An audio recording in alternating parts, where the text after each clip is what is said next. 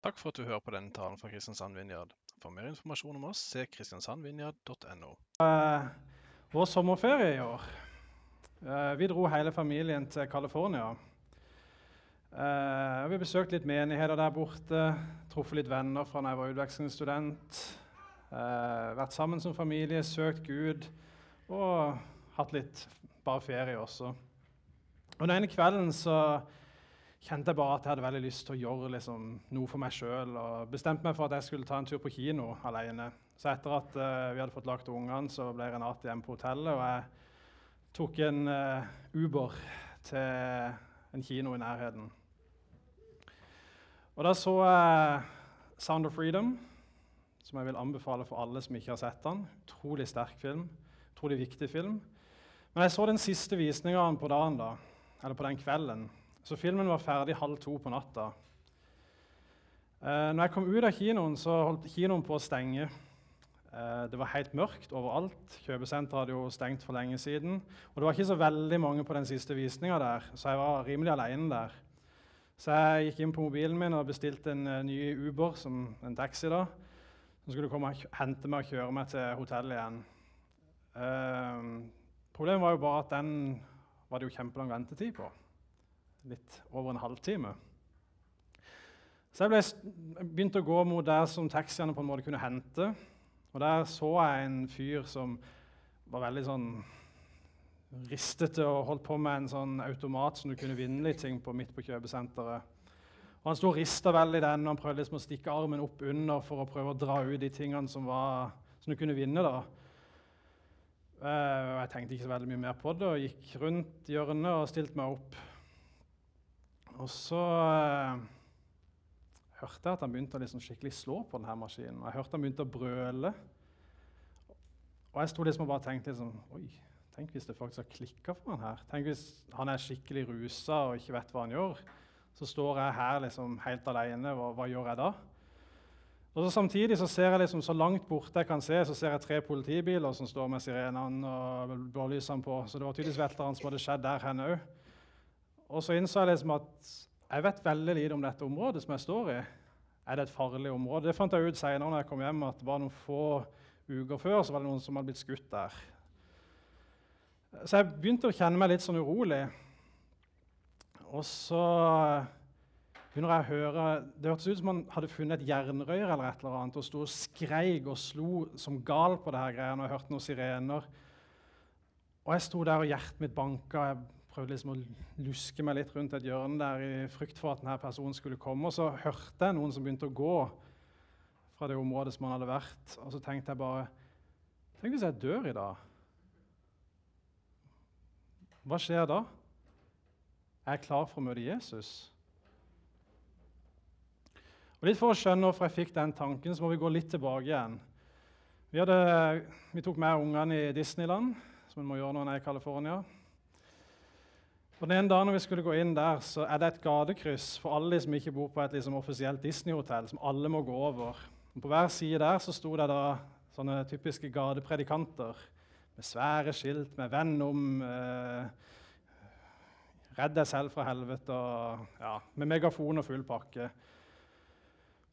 Og det er et gatekryss som ekstremt mange mennesker må gå over.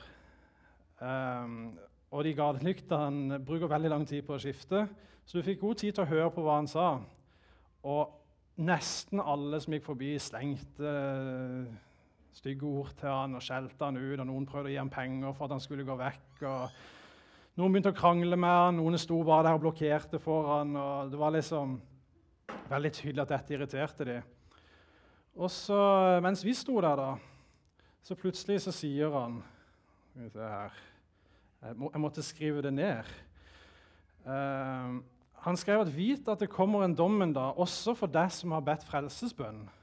Hva kommer han til å si om det? Er du klar for å møte Jesus den dagen? Du vet ikke når den dagen kommer. Og Så begynte han å sitere et par bibelvers. Og så så god kristen som jeg, så kjente jeg at jeg ble superprovosert. Jeg sto bare og tenkte liksom åh, Gi deg nå. Det er ikke sånn du forteller om Jesus. liksom.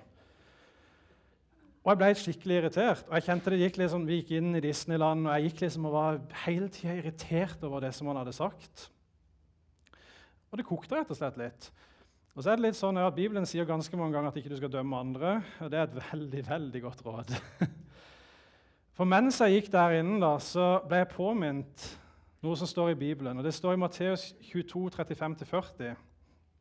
Og Der står det det er Jesus som blir spurt eh, av en lovkyndig. De prøver å sette ham på prøve, og så spør han mester, hvilket bud er det største i loven. Og Så svarer Jesus du skal elske Herren din Gud av hele ditt hjerte og av hele din sjel og av all din forstand.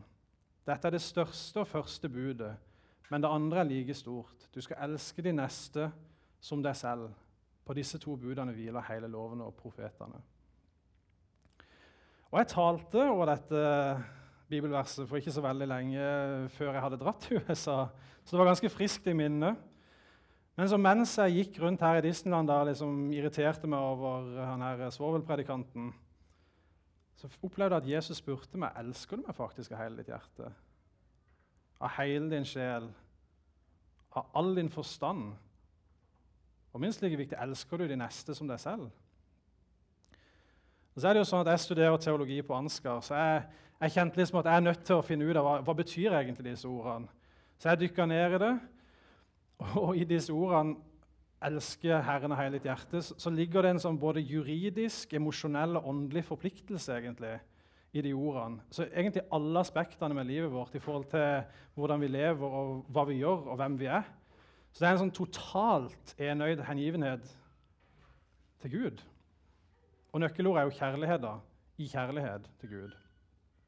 Men det er en sånn gjengjeldelseskjærlighet som vi kun kan gi Han fordi Han først elsker oss. Og Det står i 1. Johannes 4, 19, at vi elsker fordi Han elsker oss først. Og Den neste delen er jo minst like krevende. Hvem er vår neste? Og Der har jo Jesus lignelsen om uh, den barmhjertige samaritan, hvor han egentlig sier at uh, alle som måtte komme i vår vei, er vår neste. Om det så er en fiende av oss, om det så er noen som virkelig ikke matcher med oss, noen som virkelig irriterer oss. Og vi skal være ydmyke og tilgivende og ofrende for andre. Og så var vi en menighet i California hvor pastoren talte over uh, det som John Wimber sa om at, som, som, er vår på en måte tanke i Vinjard at 'everybody gets to play'. Evangeliet er for alle. Det Jesus sier, er for alle. Vi kan alle ut og gjøre tingene. Men så sa han det, og det kobla seg på en måte på det som hadde skjedd her, at hvis du virkelig skjønner hva Jesus gjorde for deg på korset, hvis du virkelig inni deg vet hva som var din framtid hvis ikke Jesus hadde kommet Hvis du virkelig forstår det, og Gud virkelig er din øyestein på en måte, så blir det ikke lenger 'everybody gets to play', men det blir egentlig 'everybody has to play'. For du evner ikke å ikke gjøre det. Og Det, det slo meg litt sånn her uh, på fredag. Uh, det var planleggingsdag i barnehagen, og jeg vet at dattera mi elsker omtrent mest over alt på denne jord, det er å gå i lekeland. Og jeg hadde fri, men så kjente jeg jo, det, det er jo litt sånn at det å gå i lekeland med ekstremt høy støynivå og Du vet at alle barnehagene i Kristiansand har planleggingsdag, du tenker liksom at det er veldig styrete. Men allikevel er det sånn, det er bare en glede i det å liksom tilby Har du lyst til å gå i lekeland? Du ser hun lyser opp, og du ser den gleden i henne. Og det er, sånn, det er ikke et strev og det er ikke et ork, det er bare en glede å få lov til å ta med og se den gleden som hun opplever i det. Og jeg, jeg føler det er sånn med dette òg. At hvis vi virkelig har den kjærligheten, så er det ikke et strev, det er ikke noe ork, det er ikke noe lovisk over det. Det er bare gleden i det å få lov. Det at Gud elsker oss så høyt, og vi får lov til å gjøre disse tingene. Og så leser vi at Jesus sier at hver den som hører disse mine ord og gjør det de sier, ligner en klok mann som bygde huset sitt på fjell. I Matteus 7, 24. Hvis vi leser hva Jesus gjorde, og hva Jesus sier at vi skal gjøre i Bibelen, så tror jeg det utfordrer oss på absolutt alle plan. Jesus møtte de som samfunnet vårt sa, eller samfunnet på den tida sa at du ikke skulle omgås med.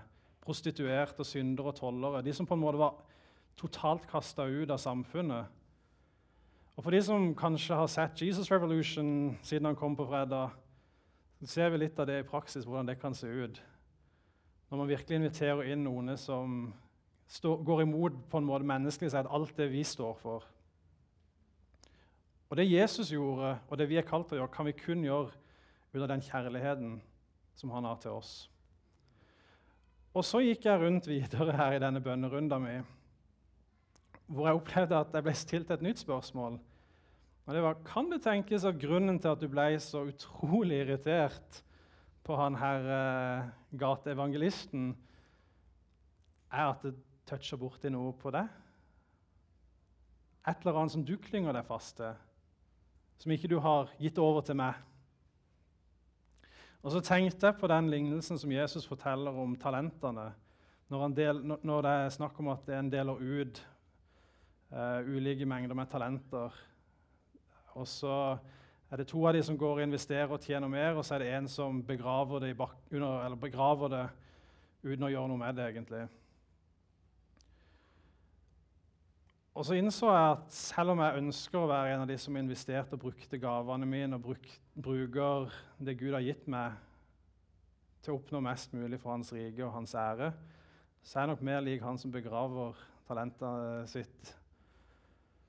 For det er altfor ofte at jeg lar min komfort og min frykt og en liten, liten smule menneskefrykt hindre meg fra å gjøre de tingene som jeg egentlig kjenner at Gud kaller meg til å gjøre.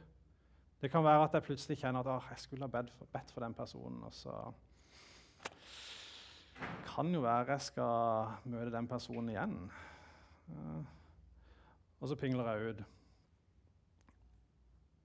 Men jeg ønsker jo å gjøre det Bibelen sier, og jeg, og jeg kjenner at jeg lengter etter å høre Jesus si det som det står i vers 25-21 i Matteus.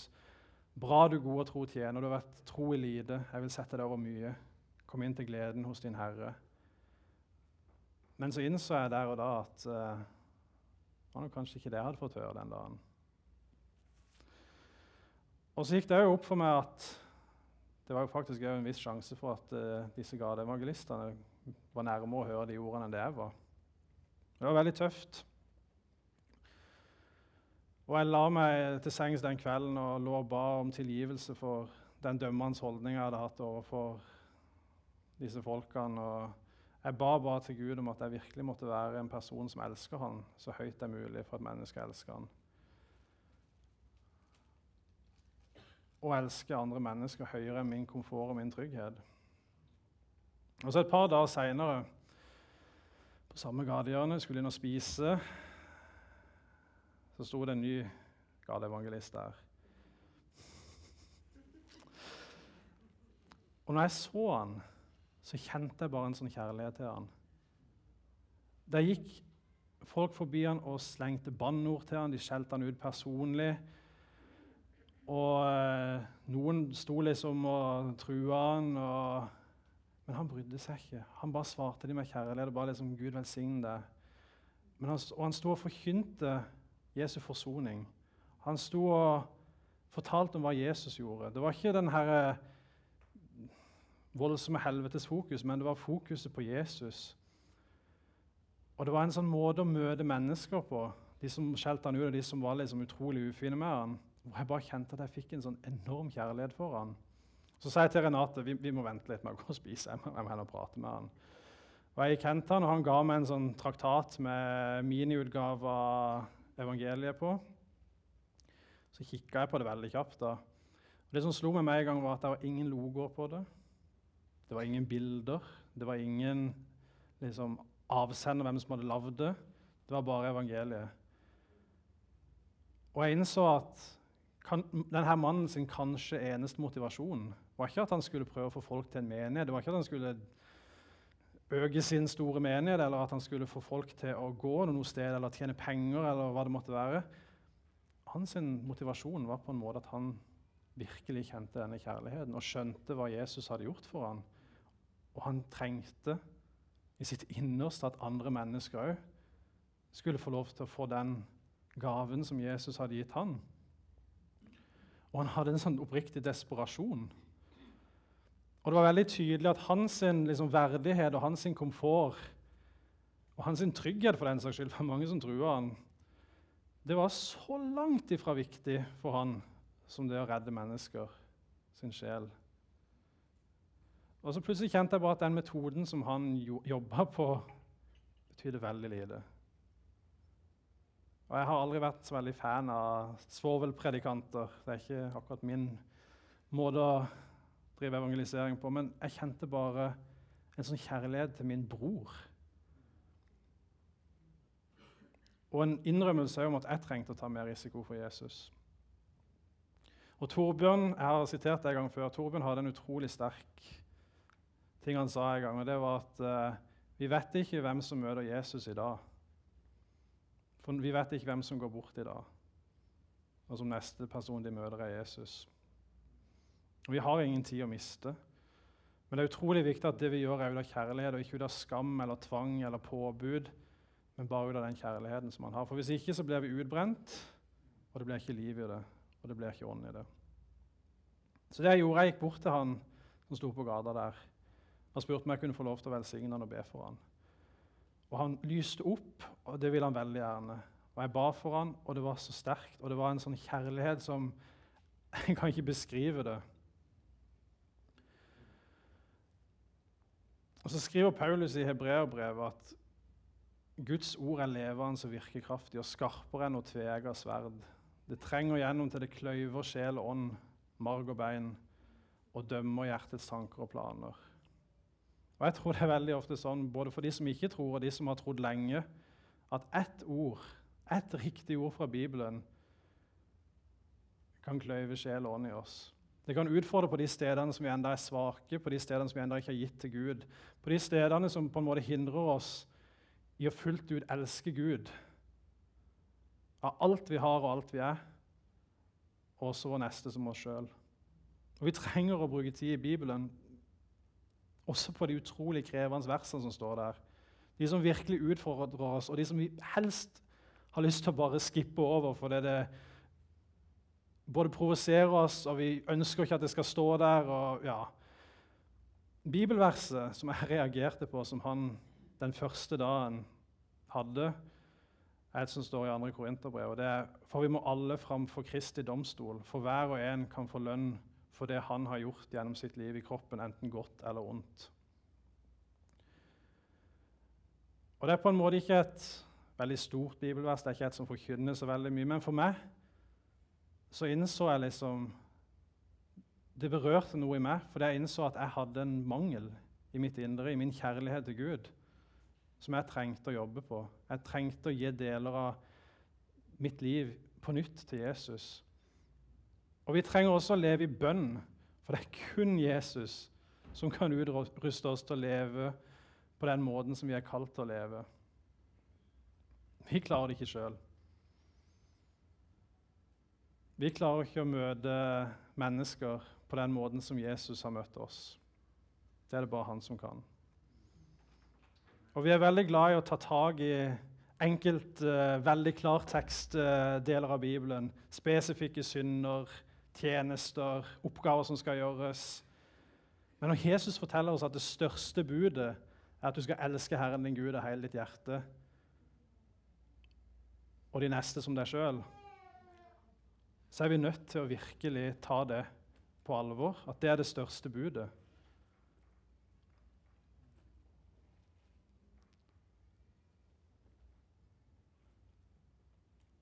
Og vi må som jeg sa, vi må ikke bli loviske. Vi må ikke se på hva andre gjør, og bare gjøre det fordi andre gjør det.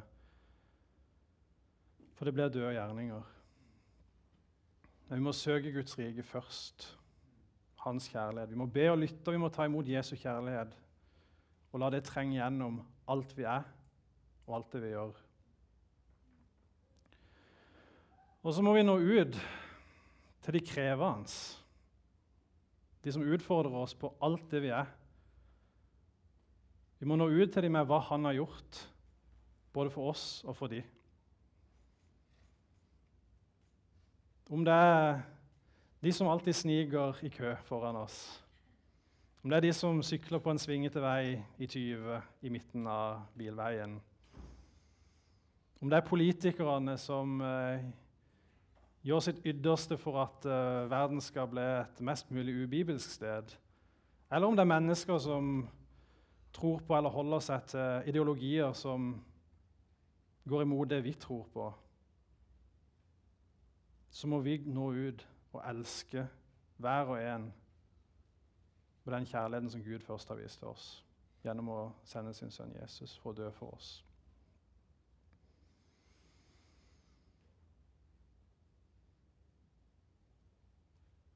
Og det kommer til å koste oss. Det trenger dere ikke være i tvil om. Det kommer til å koste oss alt.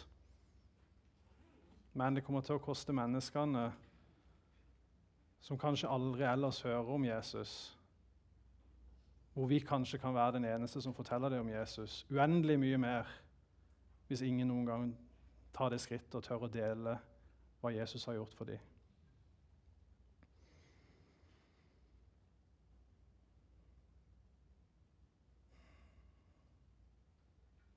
Og ikke bare reise oss.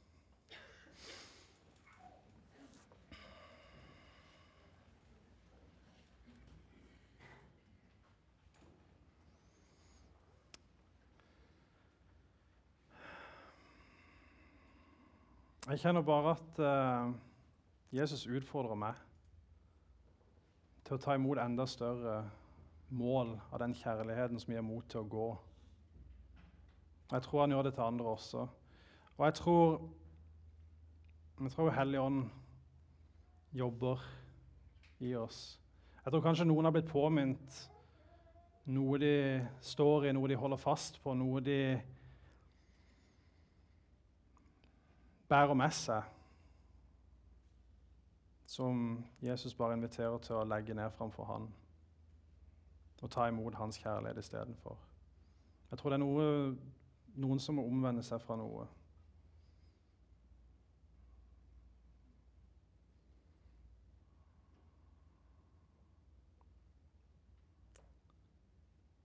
Først og fremst så vil jeg bare be Hellige Ånd at du bare kommer over hver og en av oss. Jeg ber om at uh, du taler til hjertene. Du åpenbarer dine sannheter for oss. Du setter oss i stand til å elske deg av hele vårt hjerte og av all vår sjel og av all vår forstand. Og Herre, du ser ethvert hinder om det er sår fra barndommen, om det er skuffelser, om det er sykdom, om det er plager, motstand Hva det er, Herre, du ser det. Jeg ber bare om at du taler til hver og en her i dag. Og hjelper oss til å legge ned alt vi har framfor deg. Leve helt og holdent for deg.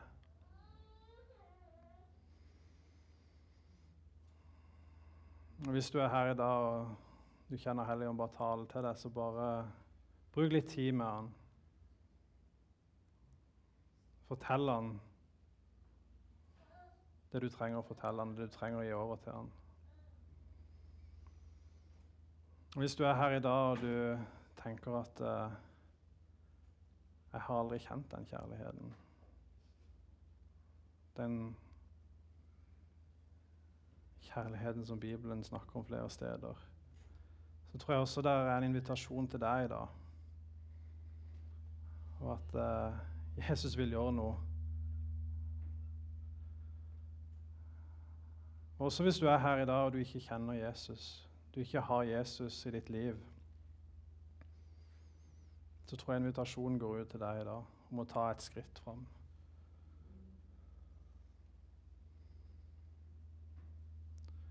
Så Etterpå så skal, vi, skal forbederen komme opp. Vi skal sette på litt lovsang. Men før det så vil jeg bare at vi skal invitere Hellig Ånd til å komme.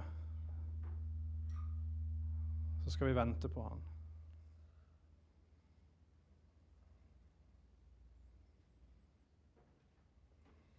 Så bare kom, Hellige Ånd.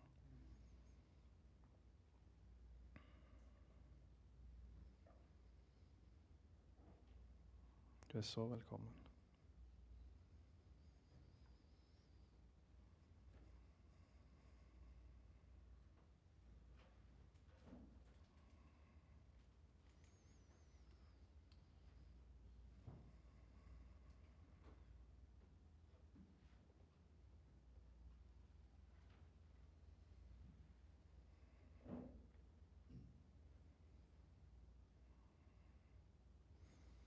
Mens jeg står her, så ser jeg bare et bilde av et hjerte av stein.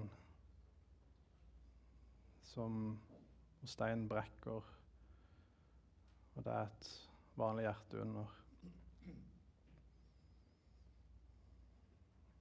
Så Hellige Ånd, jeg bare ber om at du gjør ditt verk. Du vet hvem dette er.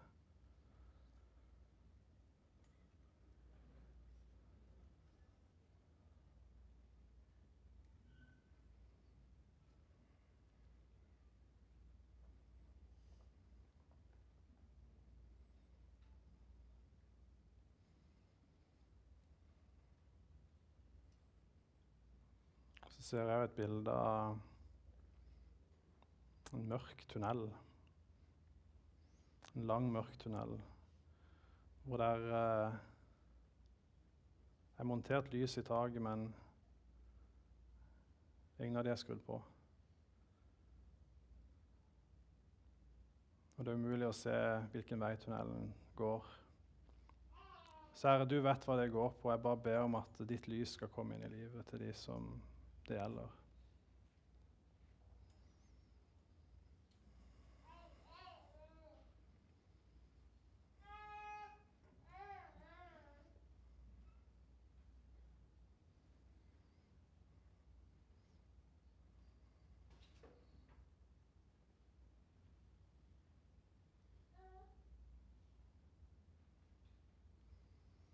Hvis du er her og du kjenner at uh, Gud gjør noe med deg, ikke bare rekker opp ei hånd. Hvis du kjenner at uh, det skjer noe. Og Dere som uh, er i nærheten av noen som rekker opp ei hånd, kan ikke dere bare legge ei hånd på den, de som har opp ei hånd? Så bare ber vi om mer Mer av din kraft, mer av ditt nærvær.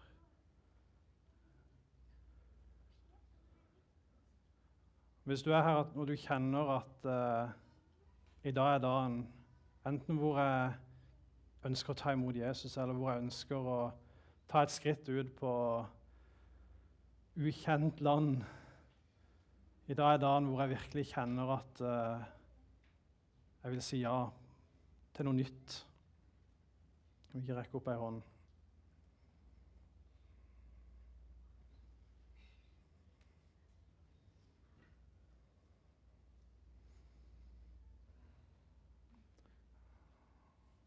Hender bak her. Hvis noen i nærheten vil føle seg komfortabel med å be.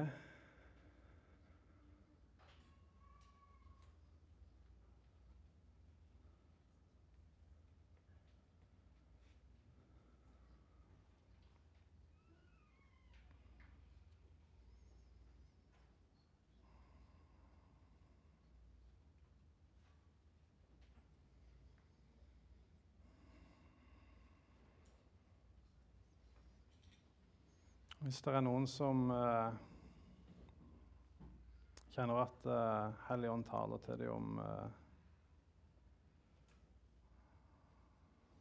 noe de skal dele, så tror jeg vi skal åpne opp for det òg i dag.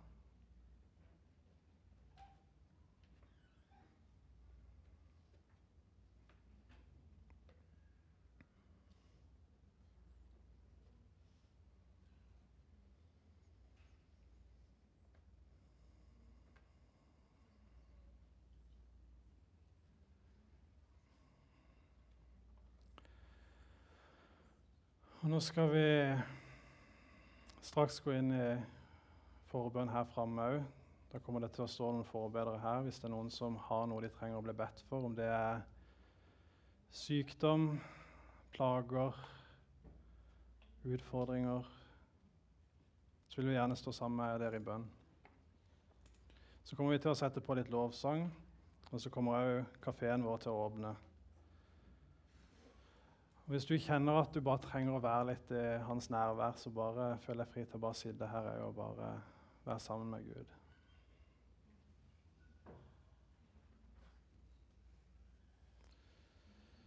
Så kan, kan de som er forbedrere, som ikke er opptatt med noe, komme fram.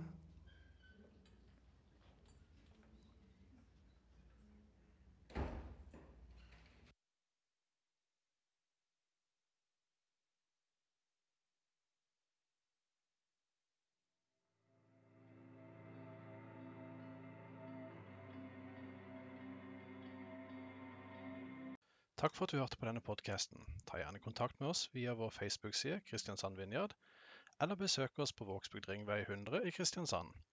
For mer informasjon om hva vi gjør og hvordan du kan bli involvert, gå inn på kristiansandvinjard.no.